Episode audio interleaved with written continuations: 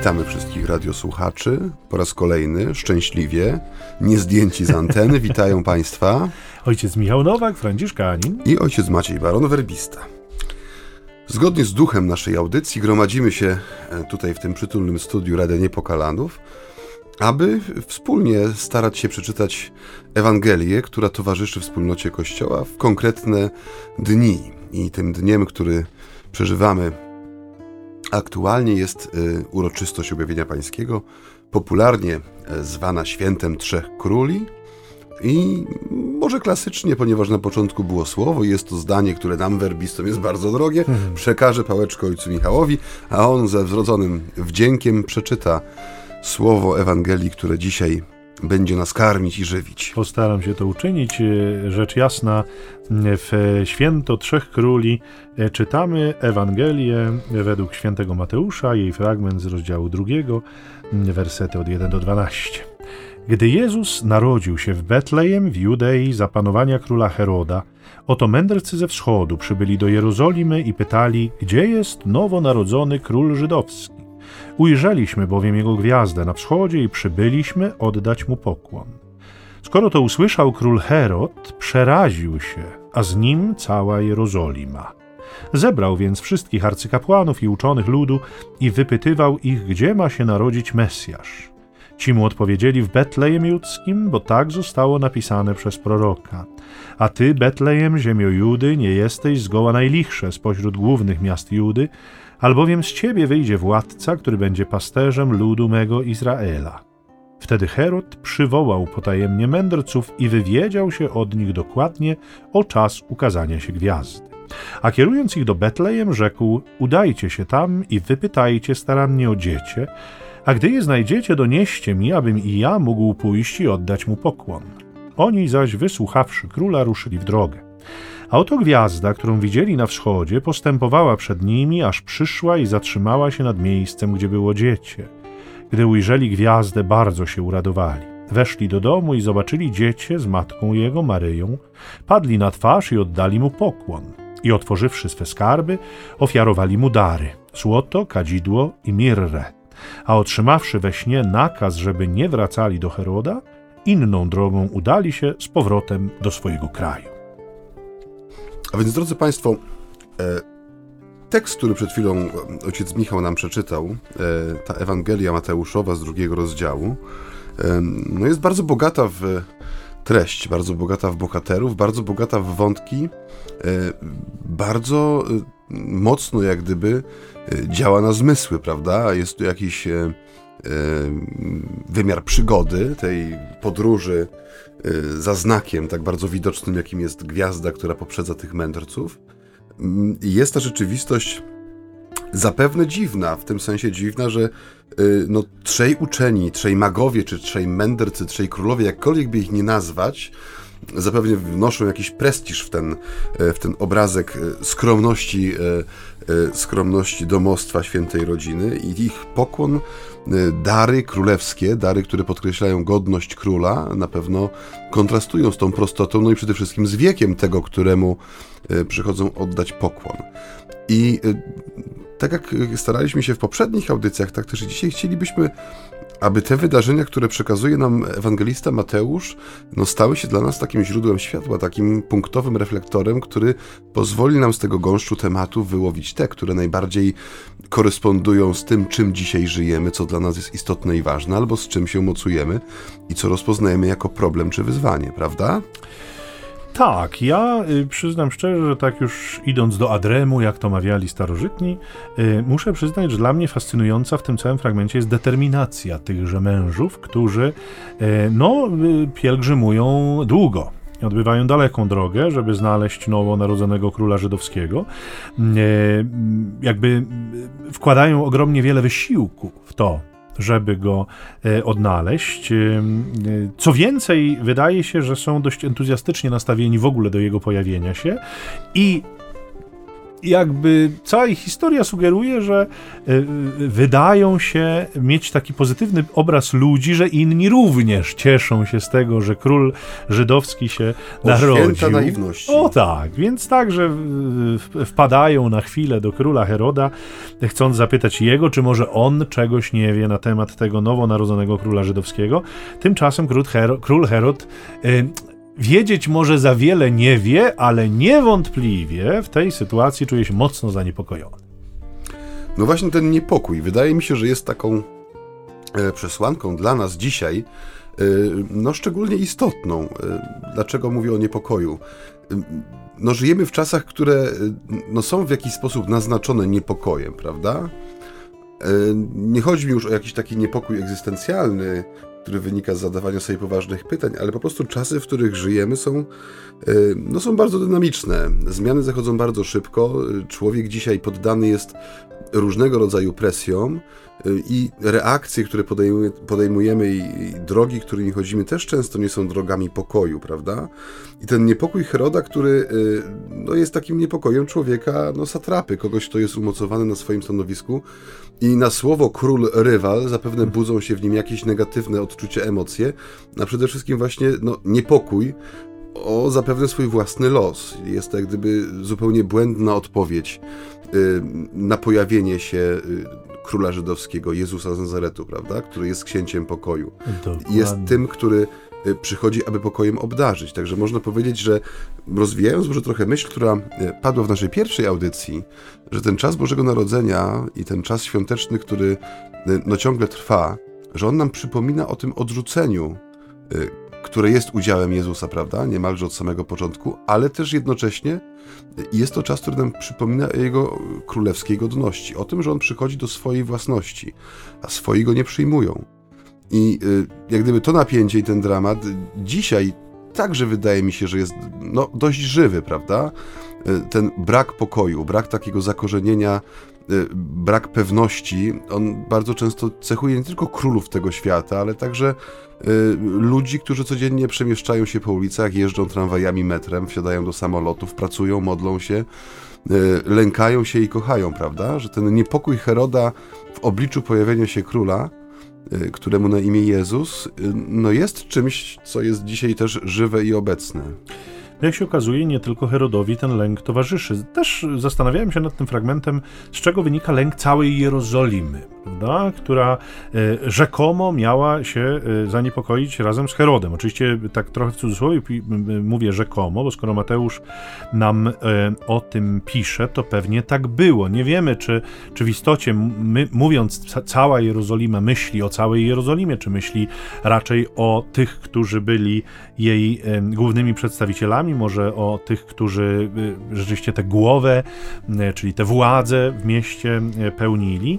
Tak czy owak zastanawiałem się i to mnie intryguje, czy jakby motywem tego niepokoju mieszkańców Jerozolimy było takie pragnienie zachowania status quo, czyli tego, żeby jednak Herod na tym stanowisku został, bo stary, znany wróg zawsze jest lepszy niż nowy i zupełnie nieznany, prawda? Y, czy taki był motyw tego niepokoju, czy też może motyw był inny, czy może motyw y, byłby jakby jednym z takich pierwszych ewangelicznych obrazków manipulacji tłumem, manipulacji mieszkańcami Jerozolimy. Być może ktoś rozpuścił wici w mieście, że rzeczywiście nowy król się pojawi, a jeśli on się pojawi, to na pewno będzie gorzej, bo przecież zawsze tak jest, prawda? I myślę, że tu się na przestrzeni wieków niewiele zmieniło, nawet jeśli ludzie czasem mają nadzieję na to, że będzie lepiej, jak się pojawi nowy, to i tak zwykle jest gorzej. Więc y, być może jest to jakiś pierwszy obrazek pewnej manipulacji tłumami, które, y, które mm, jakby zaniepokojone y, zmianą, która miałaby nastąpić, po prostu tego lęku wobec Jezusa, którego jeszcze nikt nie widział i z którym się jeszcze nikt nie spotkał i który, jak my wiemy, jest dopiero co narodzonym królem, który jeżeli będzie w ogóle w stanie zagrozić komukolwiek, no to nie prędko wszystko, no tak naprawdę jakość tych mieszkańców Jerozolimy mocno spina i mocno, mocno niepokoi. I wydaje mi się, że ten wątek manipulacji, czy w ogóle wątek takiego nieczystego serca, czy to w wymiarze jednostkowym króla Heroda, czy całego jego dworu, czy tak jak właśnie mówisz, ludzi, którzy może zostali nastraszeni, prawda? A może ktoś im powiedział o nowych podatkach, nowych kontrybucjach, no, o tym, tak jak mówisz, że będzie gorzej niż było. Takie rozwinięcie tego pokazuje, jak gdyby znowu, że w, w sercu Ewangelii zawsze tkwi pewien ludzki dramat, prawda? Zobacz, co dzieje się z ludźmi, którzy są ludźmi czystego serca, e, którzy są ludźmi otwartego umysłu, którzy są wykształceni, no bo, e, tak jak mówię, często mówi się o trzech królach jak o trzech mędrcach, prawda? Tak. Niekoniecznie magach, ale mędrcach. To są ludzie księgi, byśmy ich powiedzieli, prawda? Ludzie wykształceni, którzy nie zatracili czystego serca, którzy zachowali pewną podstawową ludzką wrażliwość i tak jak mówisz, taką świętą naiwność, prawda? I licząc na to, że idą do kraju, który będzie rozradowany z powodu narodzenia się nowego króla. Wiemy, że za chwilę przecież ten kraj będzie skąpany w krwi y, niewiniątek, prawda? Które z tego lęku przed pojawieniem się Jezusa, y, no Herod każe wytracić, prawda? I widzimy, że człowiek, który jest w stanie wychwycić te znaki obecności Boga i to jego mądre i pełne miłości prowadzenie po prostu robi swoje, prawda? Zauważ, że ci królowie, mędrcy, magowie, jakkolwiek ich nazwiemy, tak jak mówisz, podejmują potężny wysiłek, bo to na pewno nie była droga która trwałaby tydzień czy dwa, ale zapewne była to dłuższa podróż, czyli jest pewna konsekwencja, żeby nie powiedzieć upór w tym, żeby za tym, co odczytane, podążać, prawda? Żeby ta e, ludzka mądrość, otwartość serca i pewna prostota, one prowadzą do spotkania z Chrystusem. A ci, którzy teoretycznie są ludem oczekiwania, czyli no, y, Jerozolima, miasto wybrane, umiłowane, prawda? Miasto, które na kartach Pisma Świętego no, no jest też przedstawiane jako ta y, oblubienica i to, to miejsce wybrane, y, które powinno tym oczekiwaniem na pojawienie się Mesjasza żyć, prawda? Że to miejsce staje się miejscem, tak jak tutaj słusznie zauważyłeś, albo takiej sprytnej manipulacji, albo też takiego obnażenia, co tak naprawdę trzyma tych ludzi razem, prawda? Czy jakiś status quo tak. ekonomiczno-biznesowo-polityczno-religijny, e, czy chociażby, tak jak tutaj mówi, może jakaś pewna doza lęku, ale lęku przed znanym satrapą, prawda? Czyli lepszy, tak jak mówisz, swój wróg, niż ktoś, kto przyjdzie i nam to wszystko pozmienia i będzie na pewno gorzej. Dokładnie. Ja myślę, że to e, może się w tych trzech mędrcach realizuje e, ta pierwsza zapowiedź anioła, e, którą on wypowiada, zwiastując radość wielką pasterzom, prawda? Kiedy mówi pokój ludziom dobrej woli. Nie? Ludźmi pokoju są ci, którzy mają dobrą wolę, ci, którzy mają czyste serca. Mhm. Czyste serca, które w tej perspektywie również pewnie trzeba rozumieć jako serca spragnione prawdy. I pewnie podobieństwo, nie wiem czy zauważasz, ale podobnie jak w scenie Bożego Narodzenia, pasterze przychodzą z absolutnego mroku, prawda? Oni są wiedzeni z tej ciemności ku światłu, zaufali słowu i wyruszyli w drogę. Ci, którzy są najbliżej wydarzenia Jezusa Chrystusa, prawda? Jego narodzenia się, zauważ, mają zamknięte drzwi i są pełni lęku, żeby nie utracić korzyści materialnej. I w tej sytuacji dzisiejszej podobnie, ci, którzy przychodzą i rozpoznają w tym dzieciątku króla, zbawiciela, Mesjasza, tego, któremu przychodzą oddać pokłon, oni znowu przychodzą z daleka. A ci, którzy są niejako najbliżej, przez brak odpowiedniej perspektywy, przez właśnie jakąś manipulację, czy może przez to, że ich życie oparte jest o trochę nie takie fundamenty, e, o jakie powinny być oparte, oni zupełnie się z tą rzeczywistością mijają, więcej topią ją we krwi. To jest prawda i y, y, jakby ta, ja myślę, że ta różnica między ludźmi wschodu, którzy do Jezusa przybywają z daleka i poszukują prawdy, a różnica między tymi, którzy są blisko i właściwie tę prawdę mają na wyciągnięcie ręki, wynika również z tego, że e, jakby ludzie wschodu na trochę inne e, aspekty rzeczywistości zwracają uwagę, prawda? Ich myślenie jakby jest mocno różne od naszego myślenia, powiedzmy ludzi zachodu, no porównując ich już do nas, do, do, do ludzi e, Zachodu. Ja y, y, pozwolę sobie podzielić się z Państwem taką anegdotą, którą kiedyś gdzieś tam wyczytałem, jak to na, pewne, y, na pewną uczelnię niemiecką przyjechał z prelekcją jakiś naukowiec z Dalekiego Wschodu, e, bodaj z Chin, i odbierający go profesor niemiecki w pewnym momencie wychodząc z lotniska złapał go za rękę i pobiegł z nim szybko, wskakując w ostatniej chwili do autobusu, który właśnie odjeżdżał i nabierając jego oddechu, ten niemiecki profesor mówi do e, tegoż swojego gościa z Chin, mówi, no, na szczęście zyskaliśmy 10 minut. Na co ów gość z Chin popatrzył na tego profesora niemieckiego i mówi: No dobrze, ale co my teraz zrobimy z tymi dziesięcioma minutami?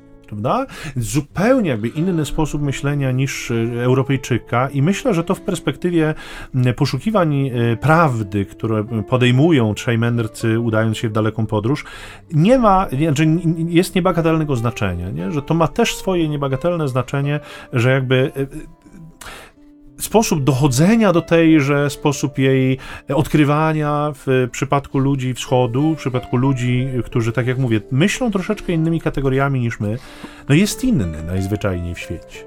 Mhm. To ostatnie słowo twojej wypowiedzi, inność, ono też jest taką cechą, która no, wyróżnia tę perykopę ewangeliczną, prawda?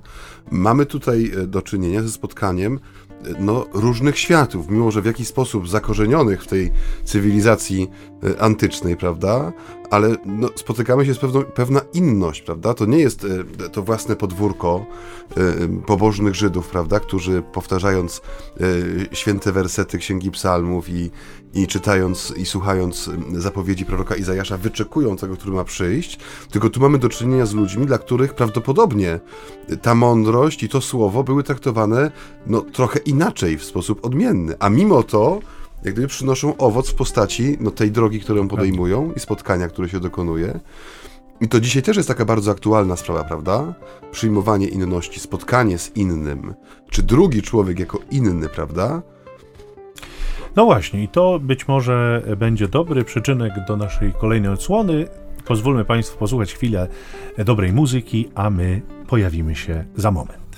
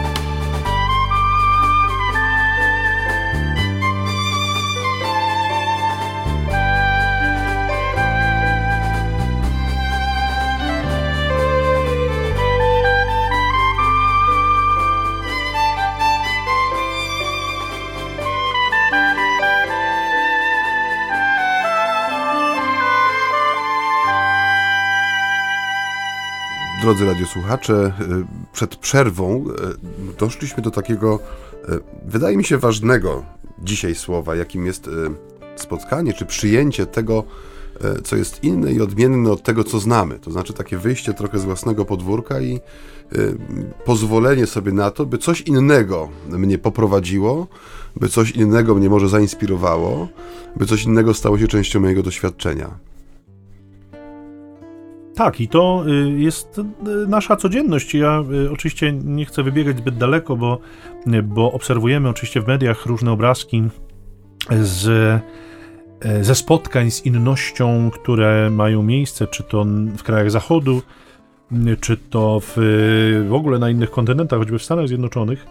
Myślę, że wielu z Państwa te obrazki y, są y, mało miłe, tak bym powiedział. Raczej y, napawają nas też jakimś niepokojem, czasem lękiem, no bo być może niektórzy z Państwa korzystają także z mediów, powiedzmy, nie tego głównego nurtu, ale, ale różnych innych mediów, w których te obrazki są pokazywane może nieco bardziej drastyczne, czy, czy dużo bardziej niepokojące niż te, którymi serwuje y, ten główny nurt medialny, czy który nam serwuje ten główny nurt medialny, i być może rzeczywiście w wielu z nas wzrasta taki niepokój, prawda? Mówimy sobie, a co by było, gdyby na naszych ulicach, prawda, w naszych polskich miastach em, pojawili się ludzie, którzy wcale nie mają dobrych em, Intencji. Intencji, tak, tego słowa mi zabrakło. Wcale nie mają dobrych intencji wobec nas, którzy rzeczywiście, powiedzmy, być może są wyrachowani, a być może niosą ze sobą też religię, która w swoich założeniach raczej nie ma, powiedzmy, szacunku do, do innych wyznań, prawda? Jest jakby daleka od ideałów tolerancji, którymi żyje świat zachodu. Co będzie wtedy, prawda? Czy co byłoby wtedy, gdyby? I obmyślamy w związku z tym różne scenariusze, które, powiedzmy, są e, raczej takimi bardzo obronnymi. A w tym jesteśmy dobrzy. O tak. Myślę, że, że tak. I, e, I oczywiście e, dalece jesteśmy od bagatelizowania problemu, bo niewątpliwie ten problem e, istnieje i w jakiejś mierze my się z nim stykamy, choć tak jak powiadam, pewnie nie tak intensywnie jak kraje Zachodu. Pewnie y, wynika to również z trochę innych założeń przyjętych przez rządzących naszym państwem. Nie zmienia to faktu, że y, taka konfrontacja jest y, w naszym życiu możliwa, prawda? I, i ona nie, nie musi się jakby dokonywać w tak szerokim jakby kontekście jak cały naród, ale bywa hmm. przecież coraz więcej rodzin, w których powiedzmy młodzież wyjechała do krajów ościennych celem podratowania rodzinnego budżetu i wraca z niespodzianką. Z niespodzianką, prawda? Z niespodzianką, która nie mówi po polsku, która ma kolor skóry odrobinę inny, odmienny od I niekoniecznie na niedzielny obiad je mm, schabowego, schabowego z ziemniakami tłuczonymi z kapustą. A już na pewno nie ma szczególnej ochoty wybrać się z nami na niedzielne nabożeństwo, prawda? Bo raczej chadza, jeżeli w ogóle, to nie do tego kościoła, tak. gdzie indziej, w inne dni. I co wtedy? I to jest dobre pytanie, na które możemy poszukać odpowiedzi, ale jeszcze cenniejsze, wydaje mi się, jest to, co bardzo ładnie wybrzmiało w Twojej wypowiedzi, mianowicie skojarzenie inności z lękiem. I Ewangelia, której dzisiaj się przyglądamy, albo inaczej, która przygląda się nam, e, wydaje mi się, że pokazuje, że ta manipulacja, możliwa manipulacja, ja mi się wydaje, że bardzo prawdopodobna manipulacja, która się dokonała w tym kontekście ewangelicznym, ona jest trochę żywa także dziś, prawda? Tak jak mówisz, e, dzisiaj człowiek jest bardzo selektywny, wybiera sobie źródła informacji, którym odpowiadają. Jeśli e, czerpiemy obraz świata z jednego źródła, prawda? E, zwłaszcza z źródła, które, no, no niestety musimy to sobie powiedzieć, że no, media czy przestrzeń medialna jest często przestrzenią manipulacji. No Chociażby całe zjawisko tak zwanych fake newsów, które ostatnio e, no nie tylko bawiło i śmieszyło, ale potrafiło wstrząsnąć całkiem poważnymi instytucjami i rzeczywistościami, pokazuje nam, jak bardzo niebezpieczna jest taka jednostronność i przywiązanie się właśnie do tego mojego oglądu sytuacji, prawda? Że straszenie tym, co jest inne, e, no stało się jakimś narzędziem rozwijanie tego straszenia właśnie w jakiś lęk, czy takie poczucie zagrożenia, czy wezwanie do tego właśnie, żeby stworzyć jakąś taką twierdzę, prawda, wokół pewnych wartości, no sprawia, że to spotkanie z innym no, staje się niemożliwe, prawda? Staje się zupełnie no, taką, taką rzeczywistością niezrozumiałą. Pojawiają się pytania, po co ktoś tu przychodzi, dlaczego mówi inaczej, dlaczego myśli inaczej, prawda? Skoro nasze jest słuszne, nasze jest zawsze na wierzchu. I nie mam tutaj na myśli tylko wyłącznie tych skrajnych sytuacji, które, mhm. Które no, czasami oglądamy właśnie w, mediach, ale ja mam się takie w ogóle codzienne funkcjonowanie, prawda? Także w ramach jednej wspólnoty, czasami jednej może parafii, czy nawet jednego domu. Tak, bo to wcale nie muszą być ludzie o obcym kolorze skóry, innym, prawda, czy obcym języku. To mogą być ludzie, którzy żyją wokół nas, nie? Od dawna żyją wokół nas, a powiedzmy, no zachowują się inaczej, czy przeżywają swoją codzienność inaczej i przez sam fakt tego już niepokoją. Bo co będzie, jak oni, nie daj Bóg, nas zarażą takim sposobem myślenia, czy takim sposobem działania? No, oczywiście znowu zarażą w takim cudzysłowie umieszczamy, ale co będzie, jeśli oni staną się e, taką dominantą w naszej społeczności, prawda? My wybiegamy bardzo szybko, myślę, do przodu e, i budujemy te swoje niepokoje, czy rozdmuchujemy je do granic, przewidując wszystkie najgorsze z możliwych scenariuszy. To chyba jest taka tendencja, ja nie powiem Polaków, bo, bo, bo myślę, że to nie tylko nas jako Polaków, w ogóle e, ludzi niejednokrotnie, którzy e, rzeczywiście żyją pewnymi wartościami i uważają, że one są cenne i noszą sobie gdzieś jakiś lęk przed tym, żeby ktoś na nie nie dybał, ktoś im nie próbował ich zabrać. Być może wynika to z naszej historii także, prawda, w której niejednokrotnie wobec tych naszych wartości próbowano czynić jakiś zamach. Może tu jest też tak przysłowiowy pies pogrzebany. Mm-hmm. I tymczasem wydaje mi się, że też e, inność, jakkolwiek rozumiana, e, zestawiona z tym, o czym właśnie powiedziałeś, to znaczy z pewnymi wartościami, sposobem życia, tradycją, ona jest takim krzyknięciem sprawdzam. To znaczy e, spotkanie z innością, pojawienie się kogoś innego, niekoniecznie mówię tutaj o jakimś wrogim najeździe, prawda, no tak. czy inwazji, no no wymusza na mnie y, no, pewną konfrontację, w tym sensie konfrontację. Y, y, pokaż mi, dlaczego tak żyjesz, prawda? Pokaż mi, dlaczego to jest ważne. Czasami można spotkać się z takimi głosami, prawda, które mówią, że dawniej było lepiej, prawda? Zwłaszcza w tej przestrzeni naszej, powiedzmy, kościelnej, wspólnotowej, parafialnej, gdzie na przykład odwołujemy się do tego, że no, kiedyś te msze były, prawda, tłumniej y, obsadzone, prawda? Że kiedyś było żywiej, kiedyś było czegoś więcej, prawda? A dzisiaj, a ta młodzież taka niedobra, a ci ludzie tacy niezaangażowani, prawda? I wydaje mi się, że spotkanie z innością często jest takim przebudzeniem, w tym sensie przebudzeniem, że my nie tylko mówimy, że coś jest dla nas wane, ale staramy się żyć w taki sposób, żeby pokazać, że to, to jest ważne. Tak, to chyba jest też w, jakiś, w jakimś sensie możliwe nawiązanie do naszej y, jakby ubiegłotygodniowej audycji, poprzedniej audycji, w której mówiliśmy o uzasadnieniu wobec najmłodszych członków rodziny tego, Dokładnie. dlaczego w taki sposób żyjemy, prawda? Dlaczego na przykład chodzimy do kościoła. I y, spotkanie z innością w dorosłym życiu, ono częstokroć znaczy, może inaczej. Byłoby cudownie, gdyby ono w istocie zrodziło takie pragnienie, żeby poszukać głębszych motywów, dla których my wyznajemy takie wartości, wierzymy w taki sposób, żyjemy w taki sposób, myślimy w taki sposób. E, być może wtedy tego lęku o to, że ktoś nam coś zabierze, byłoby mniej, dlatego że bylibyśmy skłonni e, i mhm. gotowi do tego, żeby realizować to, co nam zaleca święty Piotr w swoim liście, prawda? Bądźcie zawsze gotowi do uzasadnienia nadziei, która w was jest. I tu znów zanurzę się w dzisiejszym słowie. Bardzo proszę. Ponieważ naprowadziłeś mnie bardzo ładnie na myśl, która mi się kołacze po głowie. Mianowicie wydaje mi się, że dzisiaj bardzo często inność jest kojarzona z utratą, prawda? Mhm. Czy to zagrożeniem utratą jakiejś konkretnej właśnie części naszej tradycji, tożsamości, e, czy chociażby bardziej może prozaicznie, konkretnie utratami, utratą e, miejsca pracy, czy możliwości rozwoju, czy stwarza jakąś większą konkurencję. Tymczasem dzisiejsza Ewangelia, nie wiem czy wszystkim wydaje się to tak samo jednoznaczne, ale pokazuje, że e, obcy niczego nie zabiera, tutaj ten obcy przynosi, prawda? I to nie tylko w tym wymiarze materialnym mirry, kadzidła i złota, ale w tej całej scenie, która jest naznaczona pewną e, niepewnością, e, lękiem, właśnie poczuciem jakiejś utraty, to właśnie ci trzej obcy wnoszą nie tylko dar materialny, ale przede wszystkim są dla nas, czytających te słowa dzisiaj, nauczycielami właściwej postawy względem odczytywania Bożych znaków, ale też no, dosłownie dochodzi tutaj do, do tego spotkania z Chrystusem, prawda? Mhm.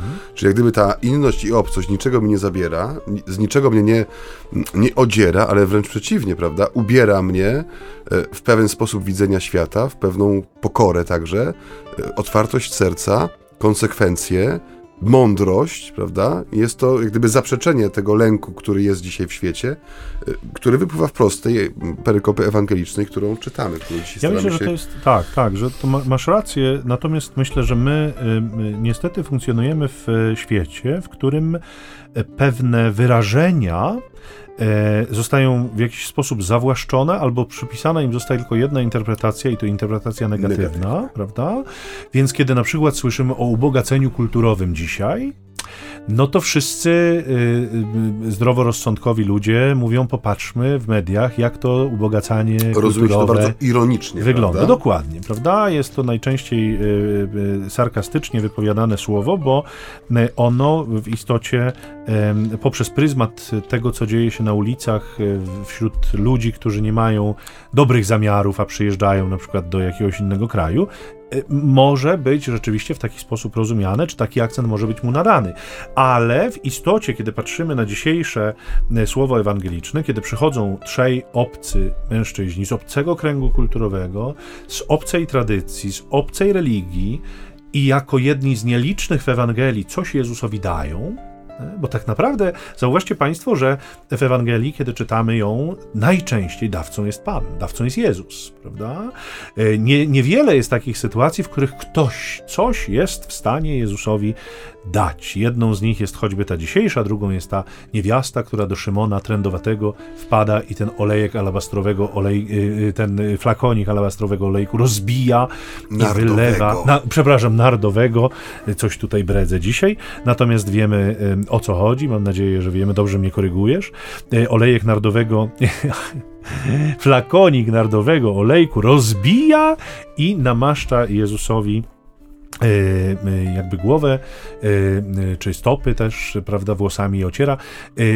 Nieliczni ludzie, którzy coś przynoszą, więc ja myślę, że kiedy tak myślimy sobie o tej inności, oczywiście przy całym zastrzeżeniu, szanowni państwo, żebyśmy byli też jasno tutaj rozumiani, my myślę, że mogę za nas obu mówić, nie jesteśmy absolutnie zwolennikami takiego bezkrytycznego przyglądania się temu tematowi. Jak najbardziej jesteśmy, jesteśmy ludźmi, którzy też mają odrobinę zdrowego rozsądku w głowie i też różne rzeczy śledzą, oglądają i widzą. Ale Ewangelia uczy nas, żeby nie Ale wylać właśnie. dziecka z kąpielą. O, to, to, to. Dokładnie to chciałem powiedzieć i myślę sobie, że jeżeli mamy to spotkanie z innością przeżyć w takim kluczu ewangelicznym e, i jeśli to znowu, bo zupełnie inaczej się przeżywa rzeczywistość, jeśli ona jest anonimowa i dotyczy mas, a zupełnie inaczej -hmm. jest, jeśli się to przeżywa w perspektywie mojej własnej rodziny i tejże niespodzianki, o której wspominaliśmy, na przykład, prawda, którą córka z pobytu w Irlandii, czy syn z pobytu w Irlandii przywozi i z tym musimy się zmierzyć, z tym musimy się oswoić.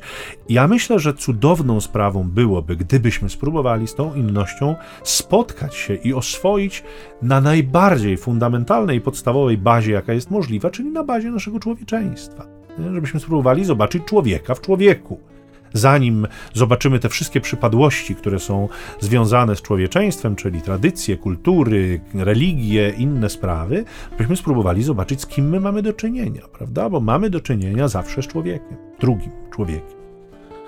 Yy, tak jest i yy, wracając jak gdyby znowu do tekstu, który dzisiaj yy, towarzyszy Kościołowi, Y, no, uro, y, obchodzimy uroczystość, która nazywa się objawieniem pańskim, prawda? Y, czyli Bóg objawia swoją chwałę ludziom, e, no można powiedzieć znowu, najmniej do tego predestynowanym, w tym sensie, e, no że obcym, innym, prawda? E, I demaskuje przy okazji, czy może nie tyle demaskuje, co obnaża, no jak gdyby pełną nieszczerości postawę tych ludzi z kolei, którzy są jak gdyby pewni swojego udziału w tym e, wydarzeniu, prawda? Pewni, przepraszam, z racji swego wielowiekowego oczekiwania, e, pewni z racji swojego wybrania, wybrania prawda? Dokładnie. E, I to jest też taka dla, dla nas, jako dla ludzi wierzących, którzy starają się w swej codzienności składać to codzienne świadectwo żywej wiary, czyli tego, że no, dla nas ta prawda o Bożym Narodzeniu no, jest prawdą taką fundamentalną. Wierzymy w to, że Pan Bóg stał się człowiekiem. I tak jak mówisz, że to szukanie człowieka w człowieku ma w sobie coś boskiego, w tym sensie, że jest w pewien sposób, wydaje mi się, szukaniem tej chwały, która się objawia w Jezusie Chrystusie, yy, tej chwały, która pchnęła tych ludzi w drogę, pociągnęła ich ku sobie, pozwoliła im wytrwać i dała im też tą pokorę potrzebną do tego, żeby przed małym dzieckiem i jego matką upaść na kolana, prawda? No, jest to jak gdyby też cel naszego pójścia w tym kierunku. W sensie jesteśmy dzisiaj obecni, czy będziemy obecni na Eucharystii, która będzie no, celebrowaniem tego misterium, czyli objawienia się Bożej chwały wobec tego, co inne. E, I obnażenia jednocześnie tego, co jest słabe, y, co może też cechuje czasami ludzi, którzy są tak bardzo przyzwyczajeni do tego, co, co jest nasze. Że nie traktujemy tej tradycji, tego, co jest dla nas cenne i ważne, jako y, kapitału, jako czegoś, czym należy żyć, ale traktujemy to trochę jako taki płaszcz zimowy, który wisi w szafie i w razie potrzeby go wyciągamy, prawda? Żeby go mole nie zjadły, y, czy dlatego, że robi się chłodno, ale nie jest jak gdyby integralną częścią tego, jak żyję, tego, w jaki sposób podchodzę do drugiego człowieka. I tego właśnie uczy mnie ten kontakt z innym. Chociażby właśnie, że sięgnę po ten płaszcz, e, że sięgnę po to, co dla mnie, przynajmniej w deklaracjach czy słowach, wydaje się ważne i drogie, i zobaczę, dlaczego takim jest. No i może tutaj małą kropeczkę postawimy, jeszcze nie ostateczną, za. ale chwilę damy Państwu odetchnąć w kolejnej przerwie muzycznej, a po niej jeszcze wrócimy, bo zdaje się, że jeszcze przynajmniej jeden czy dwa wątki warto tutaj podjąć.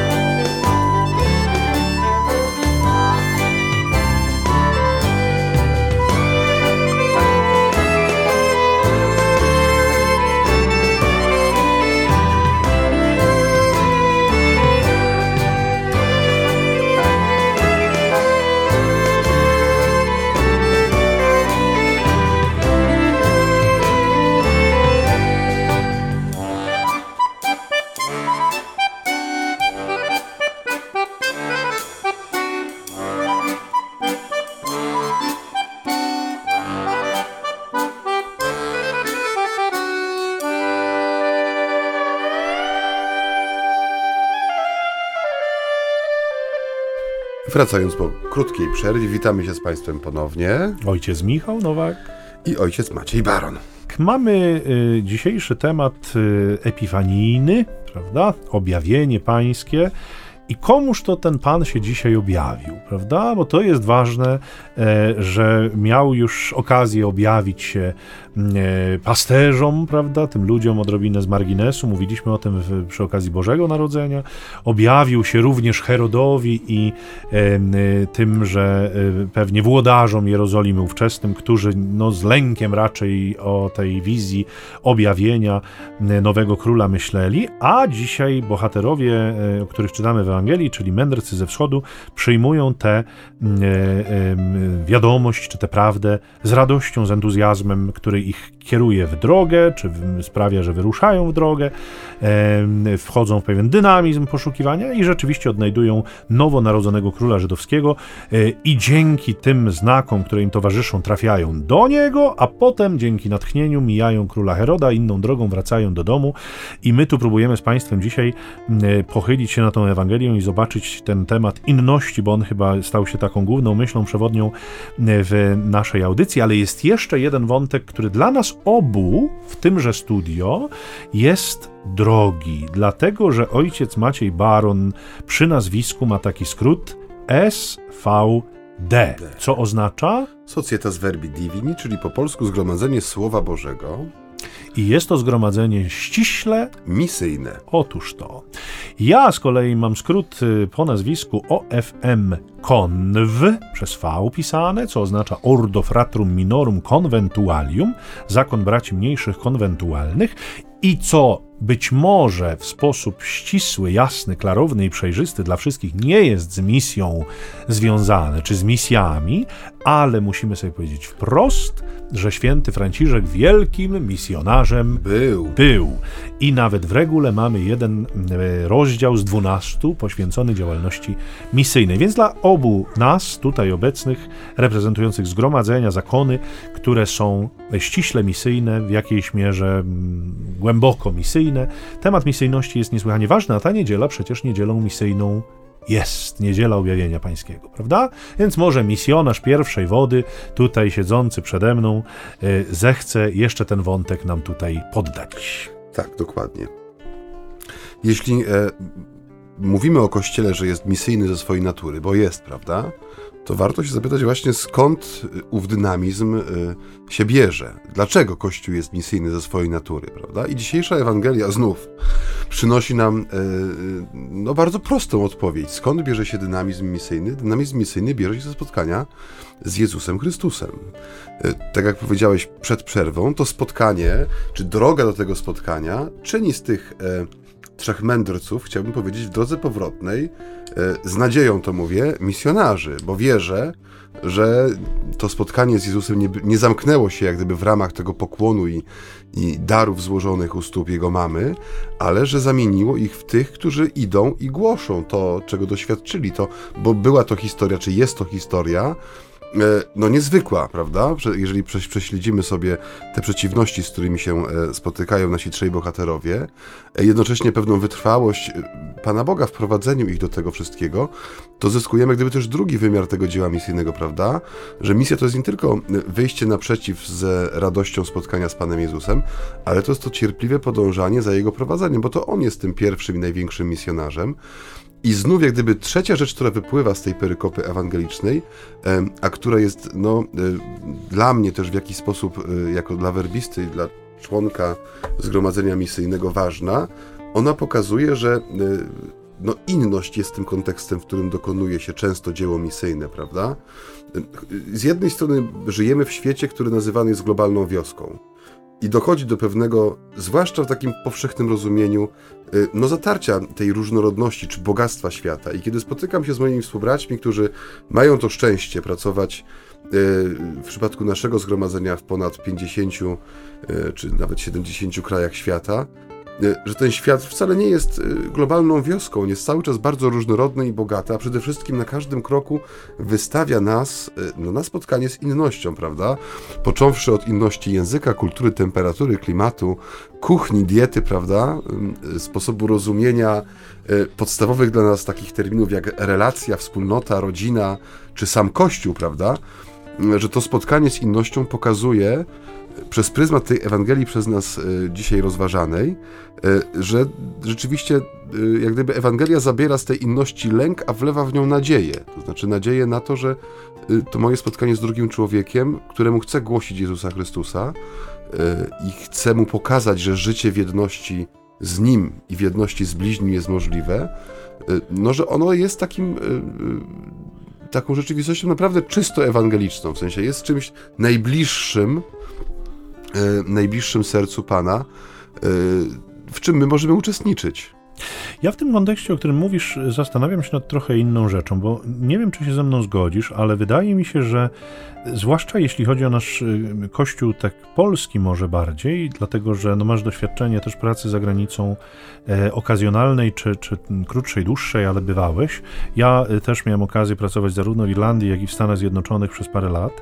Widzieliśmy różne inne kościoły, prawda, inne sposoby też y, przeżywania wiary katolickiej. Widzieliśmy Mieliśmy świat, który jest dużo bardziej zróżnicowany, jeśli chodzi o, o kultury, o, o mentalność ludzi, o, o kraje pochodzenia, prawda? Dużo bardziej wymieszany, nie tak hermetyczny jak, jak Polska. Ale nie wiem, czy się ze mną zgodzisz, że że w Polsce jakby y, często i ciągle chyba mocno jest obecna ta postawa raczej defensywna niż ofensywna, prawda? Raczej jesteśmy skłonni bronić naszego niż dzielić się tym z innymi. Jakby zastanawiam się, y, gdzie tkwią przyczyny takiego stanu rzeczy. Być może rzeczywiście y, wiele lat temu, kiedy my byliśmy dziećmi, ciągle jakby no wracamy do tego tematu, zwłaszcza starsi kapłani z rozrzewnieniem, Wtedy jakby dominowało duszpasterstwo masowe, prawda? które y, y, miało swoje ograniczenia związane z formacją. Być może jest tak, że ludzie dojrzali dzisiaj, y, no dużo dojrzalsi od nas, wiekowo, którzy mogliby ponieść ten ogień wiary, po prostu najzwyczajniej w świecie nie czują się do tego przygotowani, prawda? No bo y, ta, y, ten obrok duchowy, tak jak czasem nazywamy nauczanie w kościele, które, którego y, byli uczestnikami, który otrzymywali, nie był wystarczający, czy to nauczanie katechezy, czy inne formy jakby oddziaływania na ich intelekt i ducha, nie były wystarczające do tego, żeby w nich wzbudzić nie tylko zapał misyjny, ale żeby ich wyposażyć również w narzędzia, dzięki którym mogliby rzeczywiście swoją wiarą dzielić się e, z innymi, prawda? I może tu jest e, pewien problem z tym, że, że jakby raczej jesteśmy defensywni i ta obronna postawa, ona też niejednokrotnie e, powiedzmy jest taka, no czasem powiedziałbym, no wręcz śmieszna, no może tak, bo ja myślę sobie, zaraz sprecyzuję o czym mówię, e, myślę sobie na przykład o naszych kontaktach z innowiercami w Polsce. Główną, e, głównym gronem jakby innowierców, e, z którymi spotykamy się często, dlatego, że mają oni zwyczaj nawiedzać nasze domy, są świadkowie Jehowy, prawda? Więc przypatrzcie się Państwo reakcją niejednokrotnie swoim czy swoich znajomych na wizytę świadków Jehowy, prawda? One są czasem zabawne, te reakcje, bo powiedzmy przypominają no, reakcje takich małych dzieci tupiących nóżkami, którzy mówią, naruszyłeś moją e, tutaj przestrzeń i uciekaj stąd, bo nie chcę w ogóle z tobą gadać. Ja nie chcę w ogóle z tobą gadać, a y, argumenty, które wysuwamy bardzo często ograniczają się w tej wierze się urodziłem, y, w tej umrę, proszę mi nie zawracać głowy, to nie jest temat, na który ja chcę z państwem rozmawiać i tak dalej, i tak dalej. Kiedy spotykam się z, z taką postawą, to zaraz sobie przypominam Stany Zjednoczone, gdzie każdy niemal jest gotów bardzo chętnie i otwarcie rozmawiać o wyznawanej przez siebie religii w perspektywie pełnej pokoju, e, radości, takiego dzielenia się tym, co przeżywa. Nie ma ambicji, żeby koniecznie kogoś tam natychmiast przekonać, e, ale mówi o swoim doświadczeniu. I ludzie są do tego przyzwyczajeni, mają to we krwi, powiedzmy, są do tego wychowywani, traktują to jako absolutnie normalny temat w swojej codzienności. Wydaje mi się, że w Polsce tego odrobinę brakuje. Być może młodzież już dzisiaj, prawda, w tych różnych ruchach wychowana e, jest bardziej skłonna do tego, żeby dawać świadectwo, bo to chyba z tym jest ta misja mhm. również związana, ale wydaje mi się, że to pokolenie średniolatków i starsze chyba trochę nie.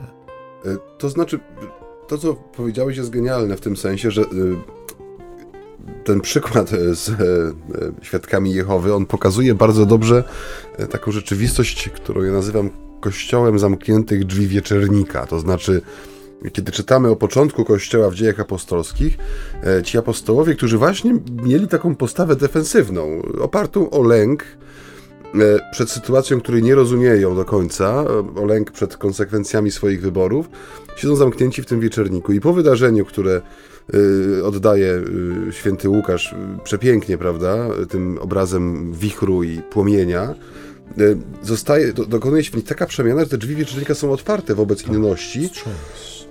I wiemy, że wśród tych słuchaczy, którzy tam stają, jest właśnie nie kto inny jak obcy, prawda?